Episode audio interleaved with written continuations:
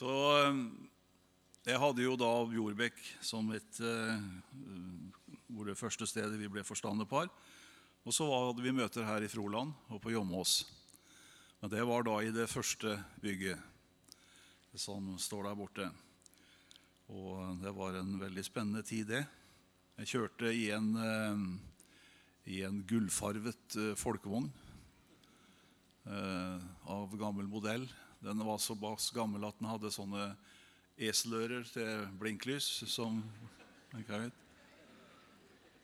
tror det meste vi var i den bilen, var ni. Ja. ja. Det er sånn. Men i hvert fall så uh, har det vært fint å være tilbake her nå på Sørlandet. Og Sigrun er jo fra Lista, så hun kjente våren liksom slo imot henne når hun kom hit. Og det er jeg også veldig glad for. Um, og vi har hatt en veldig fin eh, konferanse. Veldig godt at vi har blitt eh, knytta til eh, Inger Øysland og Himmelpartner. Det kjenner vi som menighet en veldig glede over. Vi er fast støttemenighet for Himmelpartner. For av en eller annen grunn så har Herren gitt meg en veldig kjærlighet til evangelister. Og eh, jeg ser ikke på dem som noen trussel, men tvert imot som uunnværlige. Eh, jeg elsker dem, jeg ber for dem, jeg vil investere i dem. Jeg vil bli smitta av den salvelsen som de har. Og i noen måte tror jeg det har skjedd også. Amen. Så i dette året her så blir jeg 70 år. Og det er mer herlig nå enn det var når jeg begynte for 50 år siden. For nå er vi inne i finalen nå er vi inne snart hvor vi når målsnøret og går i målet. Og Det er sånn i Guds rike at er, enden på noe er bedre enn begynnelsen.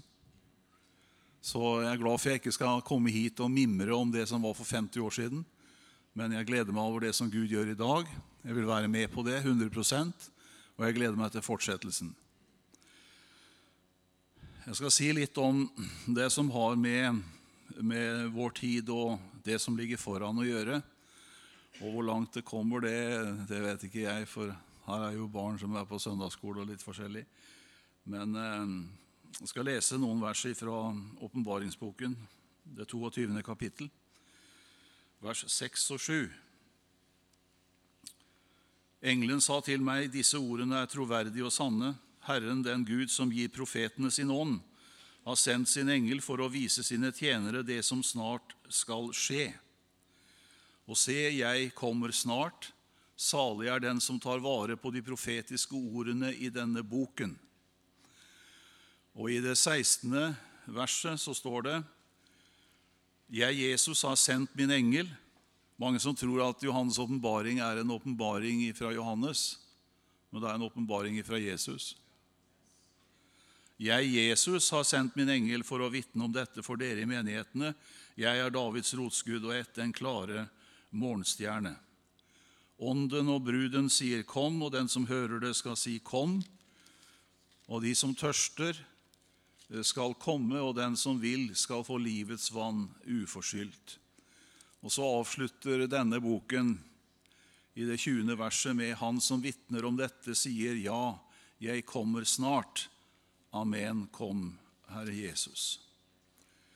Hellige Ånd, jeg takker deg fordi at du har gitt oss Bibelen. Og jeg takker deg for du også har gitt oss det profetiske ord. Ikke for at vi skal bli vettaskremt med tanke på tiden vi er i, og tiden som ligger foran, men for at vi skal bli profetisk orientert, og at vi skal få informasjon fra deg som styrer historien, og som har en underfull plan for denne planet Jorden. Priser deg for du gir meg nåde, Hellige Ånd, i kveld. Takker deg, Jesus, for det er du som er sentrum, og du er her ved din ånd. Og jeg ber at du skal møte våre hjerter og løfte oss, og la blikket vårt bli retta imot det som snart kommer. Amen. Det er mange som forbinder Jesu komme med dommedag. Eh, hvordan de har fått den oppfattelsen, det vet jeg ikke, men de har ikke fått den fra Guds ord.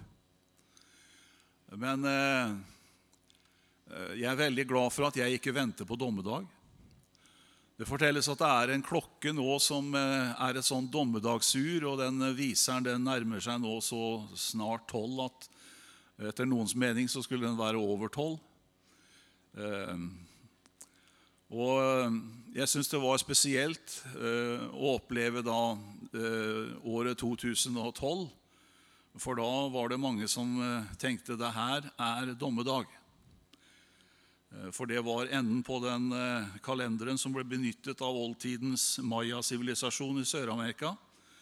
Og den slutter denne kalenderen, den syklusen som maya-indianernes kalender slutter med, det var 21.12.2012 klokka 11 over 11.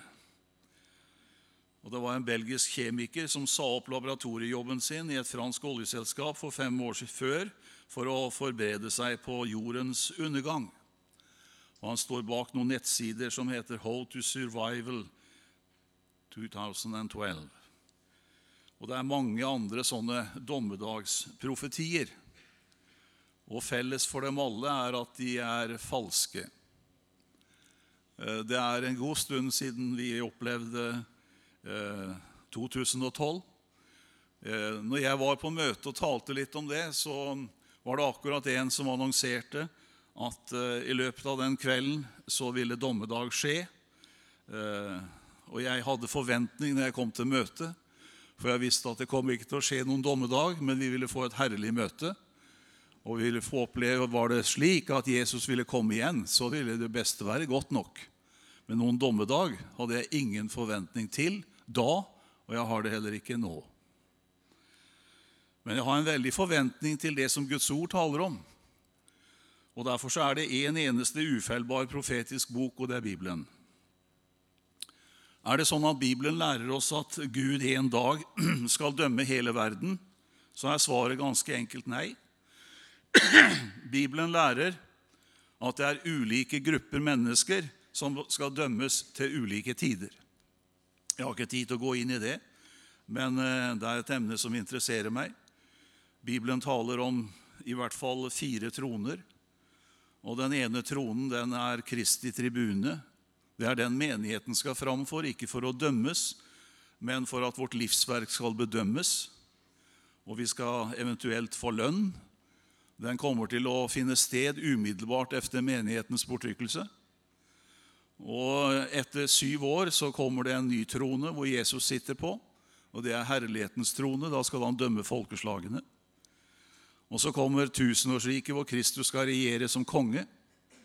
Og etterpå det så reises den store, hvite trone, eh, hvor alle de som ikke var frelst, skal stå opp til dommens oppstandelse. Og de skal dømmes ut ifra hvorvidt de har sitt navn i livets bok eller ikke. Det er den endelige dommen. Så det er altså minst 1007 år imellom den eh, vurderingen som skjer av de frelste ved Kristi tribune eller domstol, og den store hvite trone. Og Det har med at Herren i denne tid han sitter ikke på noen av disse dommersetene, men han sitter på en trone som, han, som Guds ord kaller nådens trone. Der sitter Jesus nå. Der har han sittet helt siden sin himmelfart. Etter hans død og begravelse og oppstandelse så satte han seg ved nådens trone. Og det ligger jo i navnet hva som skjer der. Det deles ut nåde. Og Det er Guds plan for denne tid. Vi lever i nådens tidshusholdning. Det er nådens dag, eh, og Gud er å finne. Eh, og Jesus, hvis du lurer på hvor han er, han sitter ved nådens trone. Og han er der som vår øverste prest. Han er der som de troendes forsvarer, og han er der som vår forbeder. Guds frelsesplan den er storarta. Jeg er veldig imponert over at Gud ikke har noen tilfeldigheter når det gjelder sin frelsesplan. Han har en plan, og han har en underfull frelsesplan. Ikke minst i Efeserbrevet så omtales den i det første kapittel, i det syvende verset. Takk, Hellige Ånd. Det kom litt mer olje. Ja, jeg gjorde det.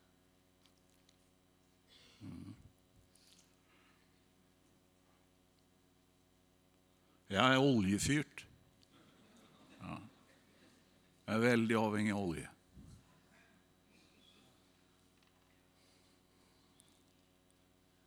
Der står det i Efeserbrevet 1.: I ham har vi friheten, kjøpt med hans blod, tilgivelse for syndene. Så rik er Guds nåde, som han har latt strømme over oss med all visdom og forstand, da han kunngjorde for oss sin viljes mysterium, det han gjerne ville gjøre i ham. Han ville fullføre sin frelsesplan i tidens fylde og sammenfatte alt i Kristus, alt i himmel og på jord i ham. Det er Guds frelsesplan. Og jeg er veldig glad for at den planen den er helt i rute. Det er ingen panikk i himmelen med tanke på at ikke noe går etter planen. Alt går sånn som Gud har bestemt. Kristus sitter der ved Faderens høyre hånd, og han venter på at vi skal fullføre misjonsoppdraget. Og når vi har gjort det, så kommer han og henter oss hjem, og så kommer begivenhetene til å skje eh, på rekke og rad. Og så kommer Kristus etterpå til å regjere som denne verdens konge i tusen år. Noen sier jo at vi lever i tusenårsriket nå, og jeg sier bare hallo. Du kommer til å høre så mye underlige ting som har med endetiden å gjøre, og endetidens profetier å gjøre, at det er viktig at du går til boken og ber Den hellige ånd å vise deg hva som er riktig. For du kan risikere å gå veldig på limpinnen og bli totalt forvirret. I Efeserbrevet 3 så står det i vers 8 så står det Jeg som er den minste altså, det gjelder ikke størrelse, men eh, jeg som er den minste av de hellige, har fått den nåde å forkynne det gode budskapet om Kristi ufattelige rikdom for folkeslagene og bringe Guds frelsesplan fram i lyset, det mysteriet som fra evighet av har vært skjult hos Gud, Han som skapte oss. Dette er altså hva Gud holder på med i denne tid, sin frelsesplan. Og den frelsesplanen den har tre kategorier. Den gjelder først menigheten, Kristi menighet. Og så kommer den til å gjelde Israels folk. Så når menigheten har gjort sitt, så kommer Gud igjen til å vende seg til Israel. Han har allerede gitt dem landet. Han har allerede gitt dem tilbake den nasjonale status. Men de har ikke blitt gjenfødt som nasjon, men det skal de bli. Og Det blir de når Kristus stiger ned på Oljeberget sammen med sin menighet. Og Da begynner Israels folk igjen å være den nasjonen som Gud vil de skal være som Guds misjonærer blant folkeslagene. Og så er vi da inne i den tredje kategorien, nemlig folkeslagene. I denne tid så er det individene som blir frelst. Det er hver den som tror, som hører evangeliet og tar imot Jesus, får bli blant de utkalte, som Gud kaller eklesia, menigheten. Og når tallet på dem er fullt, da kommer Herren også til igjen å vende seg til Israel, for de kommer til å bli frelst. Gud har ikke forkastet sitt folk Israel. Erstatningsteologien er en djevelsk løgn. Menigheten har aldri tatt Israel sin plass. Gud har en plass for sin menighet, og Gud har en plass for Israel. Og Gud har også en frelsesplan for folkeslagene. Og Når Israel er frelst, så kommer de til å være Guds store misjonær over hele verden, og folkeslag skal underlegge seg Kristus, kongen, som kommer til å ha sitt herredømme og sitt sete for sin kongedømme i Jerusalem. På Sions berg kommer han til å sitte. Og det er ingen som kan hindre det. FN er jo allerede i dag totalt maktesløs. Verdens politikere kan bjeffe så mye de vil, og noen av de er jo egentlig hunder som vi ikke kan gjø også. Men Gud har sin plan. Og han har allerede innsatt sin konge på Sion sitt hellige fjell, og ingen kan gjøre noe med det. Og jeg er veldig glad for en dag. Så skal jeg ikke bare få ta en tur til Israel, men jeg skal få være med kongen når han skal begynne å regjere derifra. Så blir spørsmålet da kan vi forvente en dom fra Gud i denne tidshusholdning. Jeg tror ikke at jeg kan utelukke at det kommer en dom som vi leser om i profeten Esekiel 38 og 39. Dommen over Gog. Gog som med sine allierte går til krig mot Israel. Og de vil bli dømt av Israels eneste virkelige allierte, nemlig Gud. Og da vil hele verden få se Israels Gud i aksjon. Skulle vi få overvære det, så blir det i hvert fall en enestående mulighet til å vinne mennesker. Og det er mange som mener at uh, om det skjer, så vil det muslimske jernteppet også falle. Men det er ingenting som tyder på at Gud kommer til å ha en dommedag i menighetens tidshusholdning. Og Det er også fordi Gud aldri har pleid å dømme de troende sammen med de ugudelige. I Hebrebrevet 11 så kan vi lese om flere som ble frelst. Og Blant annet så leser vi om Enok, den syvende fra Adam. Og Det står i Hebrebrevet 11,5 han ble bortrykket før vannflommen. Han døde ikke en naturlig død. Gud hentet han rett hjem. Og Det kommer til å være mange mennesker på jorden som har tatt imot Jesus, som vil leve når han kommer og signalet lyder for bortrykkelsen. Og de vil ikke dø en naturlig død, men de blir forvandlet og rykkes hjem til Herren. Og er akkurat sånn som Enok var den første, så blir den eh, levende menighet på jorden når Jesus henter sine, blir den store eh, skaren som rykkes hjem.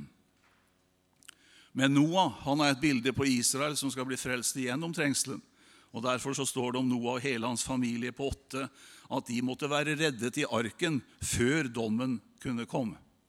På samme måte når Gud hadde dom over Sodoma og Gomorra, så måtte Lot og hans døtre være i sikkerhet i Soar før dommen kunne gå over Sodoma og Gomorra. Og Også i forbindelse med Israels utgang av Egypten så ser vi at alle Israels familier var sikre innenfor blodbestengte dører da dommens engel gikk gjennom Egypt. Gud har aldri hatt for vane å dømme de ugudelige sammen med de troende. Og han kommer ikke til å begynne med det nå. Til og med om den eneste, eller den, det en av de to som vi leser om som ble frelst i Jeriko. En i Gamle testamentet, skjøgen Rahab, og den andre i Det nye testamentet, tolleren eh, Sakkeus. Skjøgen Rabad, hennes familie, hadde skarlagensnoren i sitt vindu, og de ble spart da Jeriko falt og ble dømt. Og På samme måte er det Vi sang det i den tiden jeg begynte som evangelist. Før jorden får smake Guds vrede, er bruden i sikker ly. Det som hindrer at eh, den falske verdensfyrsten Antikrist kommer, det er menighetens tilstedeværelse på jorden. Det er Den hellige ånd som virker gjennom sin menighet her, og han kommer ikke fram. Derfor så behøver du ikke å være så interessert i Antikrist. For hvis du er frelst, så vil du ikke få se han. Du vil være borte før han kommer. Amen. Derfor så står det at eh, vi, vi vendte oss eh, til Gud fra avgudene og så står det i 1. Tessalonikerbrev 1, vers 10.: Han som frir oss, og så skal vi vente på Hans Sønn fra himlene, Han som frir oss fra den kommende vrede. Hvis jeg skulle gå rundt og forberede meg på en store trengsel, så vil jeg ha mange kvaler. Jeg gjør ikke det, og jeg er ikke opptatt med å forberede menigheten på det. Jeg er opptatt med å forberede oss på bortrykkelsen. Vi er opptatt med å gjøre det vi skal gjøre, sånn at Jesus kan hente oss hjem, og så tar han over verdens herredømme. Og når vi vet at Jesu komme står for døren, sånn som det sto her For det er klart at det gjør det. Og jeg begynte som Jeg var jo bare 19 år eh, når jeg, var, når jeg kom hit.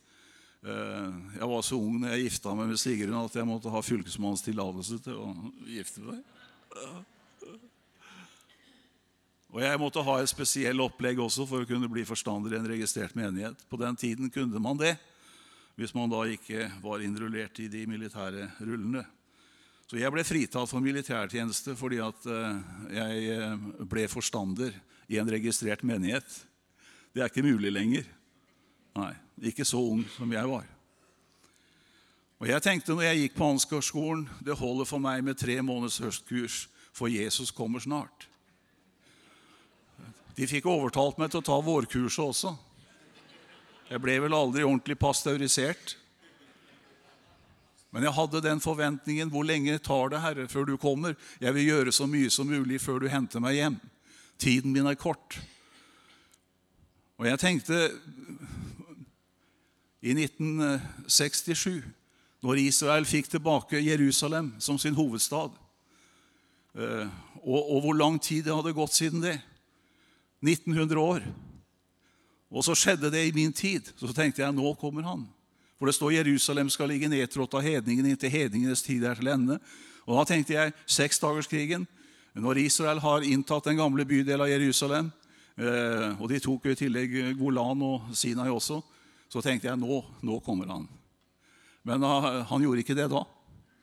Eh, så jeg har heldigvis fått muligheten i 50 år til å være med og vinne mennesker for himmelen. Og jeg er veldig glad for hvert eneste år hvor jeg kan fortsette med det helt til han kommer.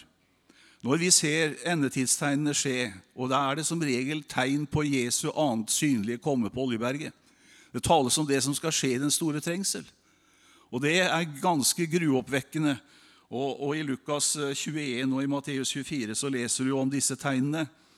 Men legg merke til hva det står i Lukas 21 når vi ser at de tingene der begynner å skje, og det begynner å nærme seg. Hva skal vi gjøre da? Bøye oss i redsel for undergangen? Nei, det står når dere ser dette begynner å skje, så rett dere opp og løft deres hoder, for forløsningen stunder til. Jeg venter ikke på undergangen, jeg venter på forløsningen. Jeg venter ikke på dommedag, jeg venter på Kristi dag. Jeg venter ikke på Antikrist, jeg venter på Kristus. Han kommer først. Og det blir en herlig dag. Derfor skjønner du, Det som virkelig kan få den ekte gleden fram i Guds menighet, det er å forkynne løftet om hans gjenkomst. Ikke la oss sjokkbehandle hverandre med disse ord, men trøst hverandre med disse ord, sier Paulus. Og Det som skjer, det er at den frelste får del i den første oppstandelse. Og Når det uttrykket blir brukt i åpenbaringen, så fortelles det da må det være også en annen. Hvis det er en første oppstandelse, så er det en annen. Det er en livets oppstandelse, og det er en dommens oppstandelse.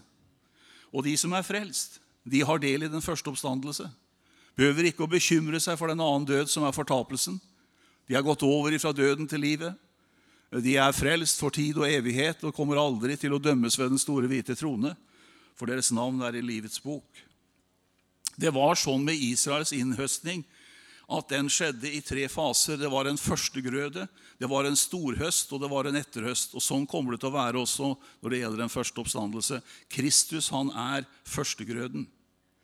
Og så står det at dernest så er det vi som tror på Han, eh, vi skal eh, oppleve eh, den store høsten. Få del i den første oppstandelse, hele Kristi menighet. Alle de som er døde i Kristus i troen på Han. Min mor og min far de er i paradiset nå. De venter på den dagen. Jeg skal få være sammen med dem i himmelen. Jeg kommuniserer ikke med dem nå, men du verden, vi skal kommunisere. Og vi skal jubilere. Vi hadde mange festunder her nede. Vi fortsetter i evigheten. Da vil alle de døde i Kristus først stå opp, de levende vil forvandles, og sammen rykkes vi skyer opp i luften for å møte Herren. Så sier du det der, tror du på det? Å ja, ja. Det er ikke bare at jeg tror på det, men jeg kommer til å oppleve det. Ja, amen. Det er herlig å tale om det, det er herlig å høre om det. Det er mye sterkere å oppleve det. Og så har du en etterhøst, og det er martyren i den store trengsel. Så du skjønner, Gud han har liksom skissert sin plan. Eh, og jeg er veldig glad for at den første oppstandelse er komplett når Kristus begynner sitt tusenårige Messiasrike her på jorden. Og så når de tusen år er til ende, så kommer det en annen oppstandelse, som er dommens oppstandelse. Så du ser det er, to, det er tusen år imellom de to oppstandelsene. Når skjedde dommen over de frelste? Den skjedde på Golgata. Da ble våre synder dømt gjennom vår stedfortreder Jesus, som tok dommen og straffen på seg. Han ble såret for våre overtredelser, knust for våre misgjerninger. Straffen lå på ham for at vi skulle ha fred, og ved hans sår har vi fått legedom. Jeg skal ikke betale straffen for mine synder, for Jesus har gjort det. Jeg kommer aldri til å bli dømt. Jeg behøver ikke å gå gjennom den store trengsel for å være rede for himmelen. På Golgatas grunn er jeg rede hver stund, og det blir siste reisen jeg gjør. Hvis du tror du blir frommere ved å være gjennom den store trengsel, så tar du helt feil. Du kan ikke bli frommere enn du kan bli gjennom Jesu Kristi blod og fullbrakte verk på Golgata. Da kan du bli så from at du kan gå rett til himmelen. Det gjorde røveren på korset. Han ba om en tanke, og han fikk et paradis. For han hadde frelseren rett ved siden av seg. Amen. Begynner å bli åpent her nå, gjør ikke det? Ja, det gjør det. Det kommer en tid hvor de som har sagt nei til evangeliet i nådens tid, opplever trengselstiden, rammes av Guds og lammets vrede. Men det er ikke menigheten som skal oppleve. Kan du tenke deg at menigheten som er trolovet ved Kristus og er på vei til bryllupet med Han, og så skulle Jesus faktisk være en, en plager av sin elskede før de var gift? Det er jo ille med konemishandling, men det er jo verre når du begynner å mishandle forloveden i sju år før bryllupet. Du skjønner, Det der det er ikke Herren i det hele tatt. Det er noe helt annet. Det Herren er opptatt med nå, det er å elske sin menighet inderlig. Og han kommer til å bevare deg og meg ifra alt dette onde som kommer. De frelste skal ikke dømmes, men belønnes. Det blir en nådelønn, men det blir dog en lønn.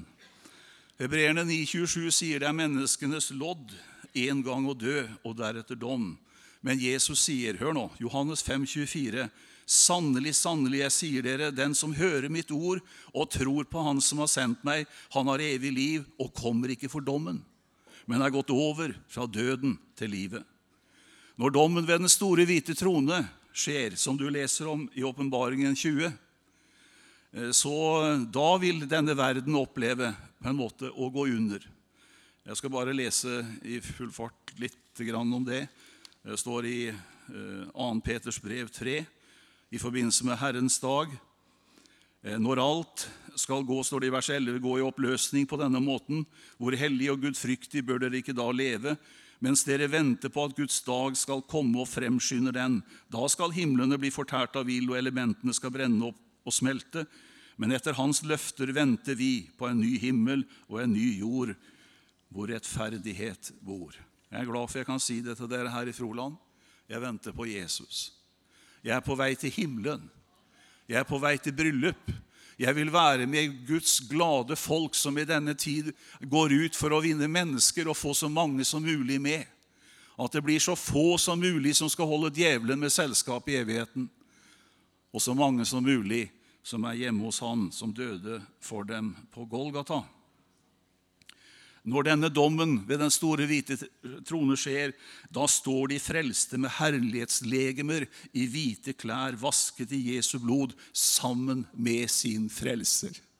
Ja da, jeg vil være til stede ved dom ved den store hvite trone, men sammen med Jesus og kledd i hvite klær og med et herlighetslegeme. Og da har jeg feiret lammets bryllup og regjert med Kristus i tusen år. For en framtid for en framtid. Gud vil ikke dømme de han har erklært rettferdige. De som har del i den første oppstandelse, er salige, og det står til og med over dem har den annen død, som er ildsjåen, ingen makt. Så vi venter ikke på dommedag. Vi har vært i fokus på det i denne helga her. At vi eh, skal få oppleve silderegn fra himmelen. Gud vil utøse sin ånd på en enda sterkere måte enn på pinsedag ved avslutningen av menighetens tidshusholdning. Det begynte med åndsutgytelse, det vil avslutte med åndsutgytelse, og det vil også bli den endelige, fulle utgytelsen av det i fredsriket. Så i siljeregnede skurer så vil vi søke å vinne mennesker helt til skyen brister, og vår frelser henter oss hjem. Det er min framtid. Bare så du har hørt det. Det er hva Den hellige ånd har vist meg, hva som heretter vil skje. Han kommer snart, og jeg gleder meg over det. Den hellige ånd gir oss beskjed ut ifra Guds ord om hva som snart skal skje, og det fyller meg med glede. Jeg sier, 'Kom, Herre Jesus. Kom snart.' Du skal være så velkommen. Men mens jeg venter, vil jeg få med meg så mange som mulig. Enten vi lever eller vi dør, hører vi Herren til. Vi sitter og bor i den allmektiges skygge, står det i Salmen 91. Og vi er så velsignet av Gud. Vi er høstarbeidere med kornbånd på vei hjem. Og vi kanskje sådde med gråt, vi skal høste med fryderop. Og vi skal komme med jubel, bærende våre kornbånd hjem til himmelen. De vi har vunnet for Jesus. Jeg vil være en himmelpartner. Jeg vil være en partner med Jesus i misjonsoppdraget. Og jeg vil være en også som klart og tydelig forkynner det profetiske ord så Den hellige ånd kan sanksjonere det. Det ønsker han å gjøre her. Ingen som behøver å gå livredde hjem nå. Hvis du er frelst, så har du ingenting å frykte. Du kan gå hjem og fryde og glede deg over. Du behøver ikke å kikke under senga for å se om det er noe der. Du bør ikke være redd for å legge deg og tenke tenk om ikke jeg våkner i morgen. Hvis jeg våkner i himmelen, hva så? Er det noe bedre sted å våkne enn i paradiset? Amen. Når jeg var på Bjorbekk, Sigrun og jeg var der, så var det en nyfrelst som var så redd for ikke å bli med når Jesus kom. Så han eh, gikk av og til utenfor uh, uh, Betel, Bjorbekk, hvor vi bodde oppe på Pidell-leiligheten øverst der, for å se om det var lys i vinduene, og se om det var noen der som han kunne se seint, seint på kvelden. Og så visste han hvis han så Sigrun eller Sverre, så hadde ikke Jesus kommet igjen. Og Da kunne han gå hjem og leve og legge seg trygt. Ja. Og det er helt sant. Jesus hadde ikke kommet hjem hvis Sigrun og Sverre var i det vinduet. Nei. Og Det kan naboene våre også, der hvor de bor, ha som et tegn. Så lenge de ser Sigrun og Sverre uh, seint på kvelden, og det lyser der, og det er liv i både dem og i hunden, så har ikke Jesus kommet igjen.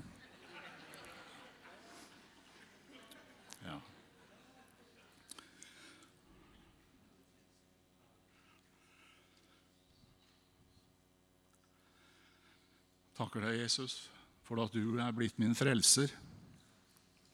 Og jeg priser deg fordi at en dag så skal du være min brudgom. Takker deg for jeg er på vei til ikke historiens største begravelse, men til historiens største bryllup. Priser deg for ånden og bruden sier det. Er så enige. Ånden er enig, bruden er enig. Herren kommer snart, og vi gleder oss så veldig. Denne verden blir mer og mer utrivelig. Det som gjør det verdt å være her, at vi så lenge det er nådens tid, og du sitter ved nådens trone, og det utøser din Hellige Ånd, så kan vi vinne mennesker for himmelen. Det er vel verdt å gjøre det mens vi venter. Vi sitter ikke med hendene i fanget og venter på at du kommer og, og, og, og rykker oss bort og, redder oss fra denne fryktelige verden, men vi gjør hva vi kan for å plyndre helvete og befolke himmelen. Vi gjør det ikke i egen kraft, men ved Den hellige ånd. Og jeg ber om at menigheten her i Froland må være på offensiven. Vinne mennesker, vinne barna, vinne de unge. Vinne de som har en gang brent og levd med deg, men som er kommet på avstand. Sånn at det blir en mektig vekkelse blant ditt folk, og at vi går ut som vitner for deg i denne tid. Det ønsker jeg å gjøre, Herre. Det er det jeg vil vie resten av mitt liv til. Og jeg priser deg for at du har behag i det. Amen.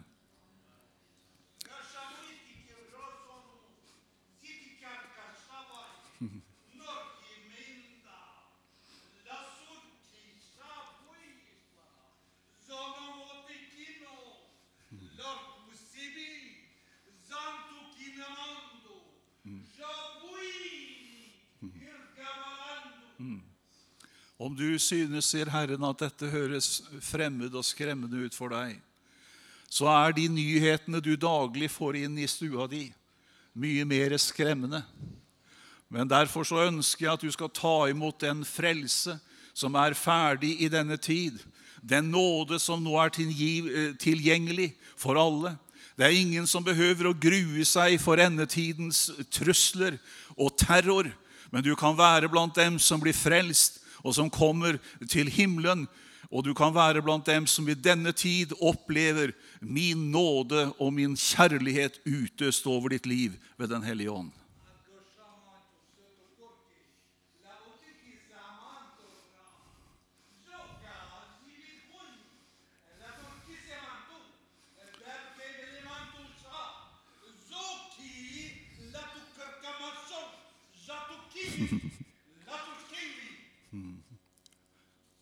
Jeg ønsker å bruke deg, sier Herren.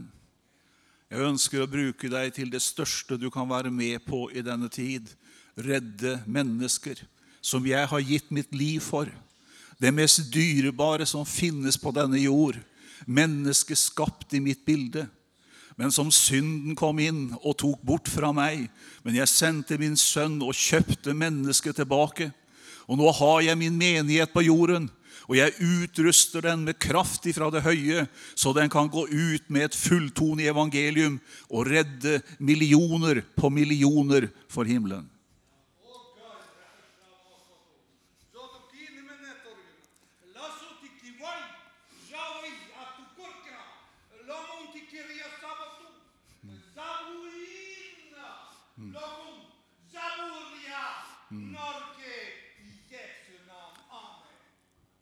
Ønsker at Herrens ånd skal komme. Jeg sender min hellige ånd over dette sted. Akkurat nå i denne stund, sier Herren, så utgyter jeg min ånd over denne forsamling. Og jeg vil at du skal åpne deg for det. Jeg vil at du skal si, 'Herre, jeg vil bli brukt av deg'. Jeg vil ikke gå rundt og bare se på alt som skjer, men jeg vil være en forandring. Jeg vil være en forandring for mine naboer, for min familie. De skal ikke gå en, en grufull endetid og en sort og mørk og pinefull evighet i møte, men de skal få være med Guds frelste folk som snart toger hjem til himmelen. Jeg vil bruke deg, sier Herren. Jeg vil at du skal være et lys i den familien du er, i det nabolaget du er, på det stedet du bor. Der skal du få være et lys som vinner mennesket for himmelen. Og jeg ønsker at du skal åpne deg for meg og min kraft, så vil jeg bruke deg, sier Herren. Amen. Amen. Kan ikke dere komme fram og så forstår at barna kommer snart nå hit. Eh, det er ikke bare Jesus som kommer snart. Barna kommer snart òg. Ja. Og Hvis dere lurer på vår bror her som var frimodig og sterk når han går fram og kommer med budskap, så er han Misjonsforbundet.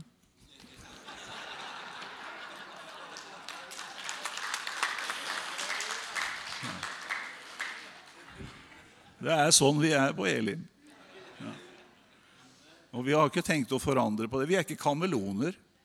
Nei. Vi skifter ikke fullstendig farve og natur fordi om vi kommer til et annet menighet. Nei, det gjør vi ikke. Amen. Så ønsker du å møte Herren i kveld, så er vi her. Det er et team som er med Inge, som er så full av kjærlighet og full av Den hellige ånd. Er du her som trenger å bli helbreda, så er Herren her med sin kraft. Er du her som ønsker å bli fylt av Den hellige ånd, så kan Herren gjøre det. Da er du så på linje med det Gud holder på med i denne tid. Og jeg kjenner jeg vil være med. Jeg får lov til å stå sammen med kona mi. Og vi ønsker å tjene Herren, og vi ønsker å vinne mennesker for himmelen. Det er livet. Å, det er livet. Det er livet, det. Ja, amen. Vi kommer ikke til å vinne mennesker i himmelen. Vi må gjøre det her. Vi kommer ikke til å helbrede syke i himmelen. Vi må gjøre det her. Vi kommer ikke til å være med å be mennesker igjennom til stå opp i himmelen. Vi må gjøre det her. Amen. Amen. Vi kommer ikke til å ofre heller av våre tiende og gaver og alt det i himmelen. Vi må gjøre det her. Amen. Så vær frimodig. Kom fram, du som har et behov, skal vi gjerne være med og be for deg. Amen. Inge, må være med dem.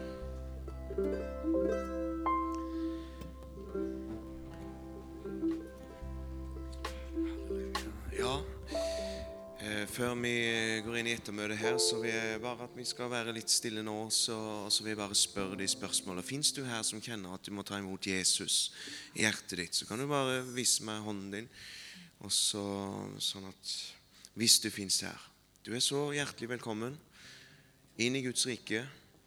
Veien inn dit, han heter Jesus. Han er veien, han er sannheten, han er livet. Så hvis du fins der som kjenner at du må komme tilbake til Jesus, eller ikke har Jesus i hjertet, så er du hjertevarmt velkommen inn i Guds rike nå.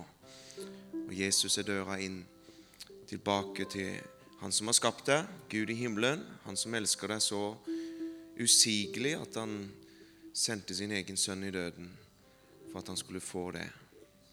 Og betalte en høy, høy pris. Hvis du fins her som kjenner at du må ta imot Jesus, så må du komme fram. Skal vi be en bønn sammen med deg, sånn at du blir berga for tid og evighet. Amen. Og alle som har et behov. Jeg kjenner veldig spesielt på det at det er en sånn nåde nådesekunder, nådeminutter nå. Nå er det en salvelse her. Og så har vi et team som, som vi er flere stykker, som vi kan være mange å be. Så vi reiser oss opp, og så vil salig blanding synge. Kan du få lov å sette deg ned etter hvert, men eh, vi gjør det enkelt for folk å komme ut. Så kommer du bare fram, så spør vi hva er ditt bønnebegjær, og så står vi sammen med det. Om det er til helbredelse eller åndsdåp eller frelse eller ting som er Ja. Ja. Vi har en venn her fra Aukra, fra Molde. som har på hjertet. Da jeg kom inn her i dag, så viste folk med dette spesielt med unge par som holdt på å utruste nå i den tida som kommer, for å sette i stand sin generasjon. Så da tar de med den friheten og, og kaller fram noen av disse unge parene, slik at vi får salve og be for dem. Det var stygt å ikke presentere seg, så jeg faktisk Geir Hostad. Jeg kommer fra Aukra. Og vært med på ei fantastisk helg på Fevik under ledelse av ekteparet Reisland. Og jeg har en sterk bønn til alle sammen som står her. Gå inn og støtt dem. Velsign dem. Legg dere i forbønn for dem. For de har en voldsom salvelse. Og hvis dere, de får full støtte i en menighet de går til, så blir velsignelsen en helt annen. Det blir mye lettere for dere å være på veien.